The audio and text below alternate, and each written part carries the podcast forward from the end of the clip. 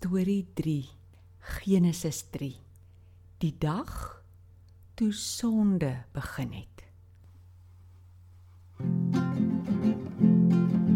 Lekker lekker storie tyd. Die Bybel vat ons ver en wyd. 'n Stories van die ou ou tyd oor God se liefde vanaf daardie tyd. Sy liefde loop deur ons eie tot Jesus kom vir die ewigheid.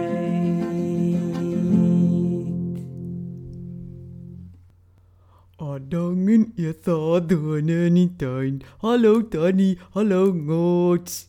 Hallo julle. Klink my jy sing nog een stryk deur Tobias? Ja, Tannie. Maar ek verstaan iets nie. As Adang en Eva in die tuin van Eden gedlei het, hoekom glei ons nie ook daardie?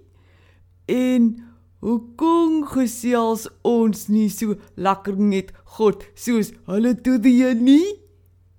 Tobias. Vandag het ons 'n hartseer moeilike storie. Dit gaan oor die dag wat die mens begin het om nie meer na God te luister nie. Ag nee. Uh, vertel maar Tannie dat ons kan verstaan. Tobias, Mats. Adam en Eva bly toe mos rustig daar in die tuin van Eden. Maar die vyand, Satan, was nie bly dat hulle so lekker met God gesels nie.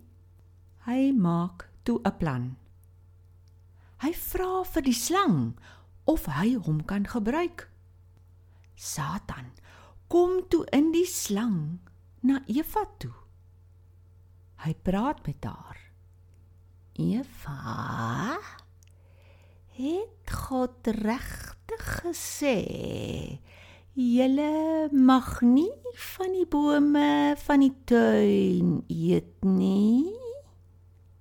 Eva antwoord toe: "Nee man, ons mag van al die bome van die tuin eet. Daar is net een waarvan ons nie mag eet nie. Dis daai een in die middel van die tuin. As ons van daai boom se vrugte eet, gaan ons doodgaan."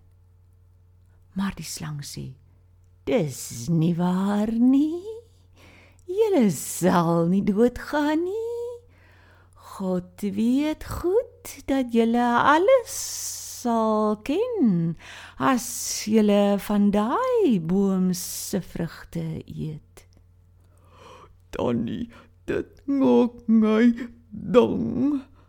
Klink my die slang het nie goeie raad gegee nie. Jy is reg. Hy het net halfpad die waarheid gepraat en halwe waarheid is jok. Maar nou ja, Eva kyk toe na die boom en sien dis 'n mooi boom. Sy sien ook die vrugte lyk heerlik. Sy dink: Die slang sê hierdie vrugte kan vir my slim maak dat ek alles kan weet. Miskien moet ek 'n happie vat. Nee. God het dan gesê hulle moet nie daarvan eet nie. Jy is reg, Tobias. Maar Eva besluit toe dat sy wil doen wat sy wil, nie wat God wil nie. Sy pluk toe die vrug en vat 'n hap. Sy pluk nog een en gaan gee dit vir Adam.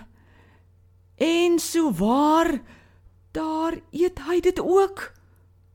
En toe hulle daai happie afgesluk het, besef hulle hulle weet nou van slegte dinge waar hulle nooit voorheen eers aan enige slegte ding gedink het nie.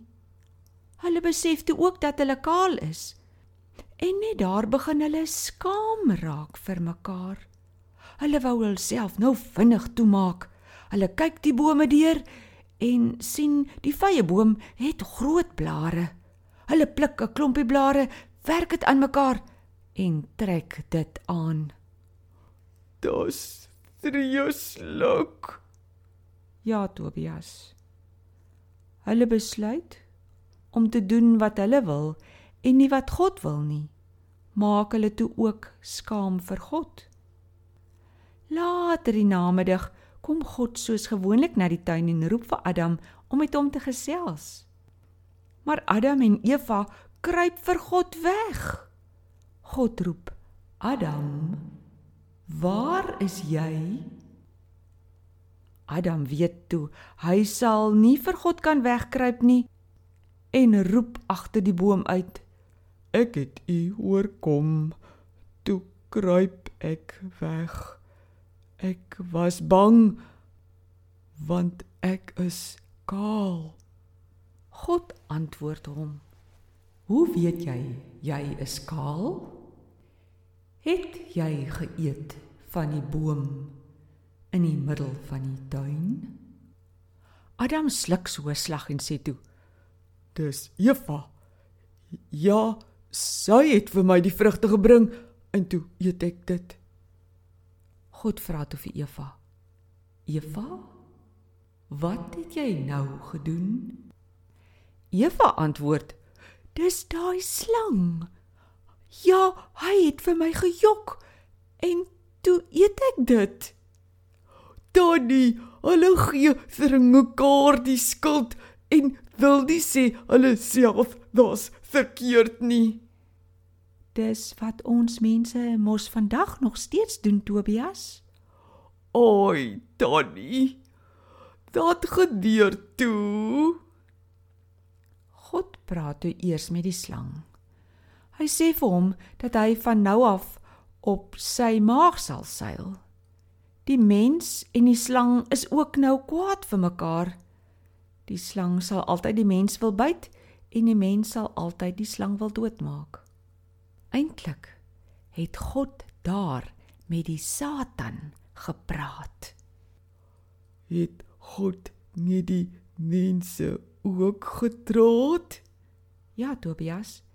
Vir Eva het God gesê dat sy swaar sal kry as haar babas gebore word. Adam gaan ook van toe af soort van haar baas wees. Vir Adam het God gesê dat hy baie hard sal moet werk om kos te hê om te eet. Werk sal ook maar moeilik en swaar wees. Danny en dat dan die tuin dan Eden.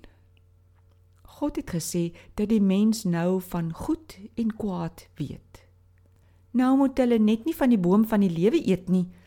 Hulle kan nie vir altyd leef nie en moet maar een of ander tyd doodgaan en weer stof word, want hulle is van stof gemaak. Om te keer dat hulle nie van daai boom eet nie, het God vir Adam en Eva weggestuur uit die tuin van Eden. Hulle moes buite die tuin gaan werk om plante te plant om te eet. God het twee engele by die hek van die tuin gesit Hy het ook 'n swaard daar gesit wat van vlamme gemaak is wat heen en weer beweeg. "Sjoe, Donnie. Dis ter skriklik. Toe kom die sonde op ons aarde. Het God toe dan die mense vergeet?"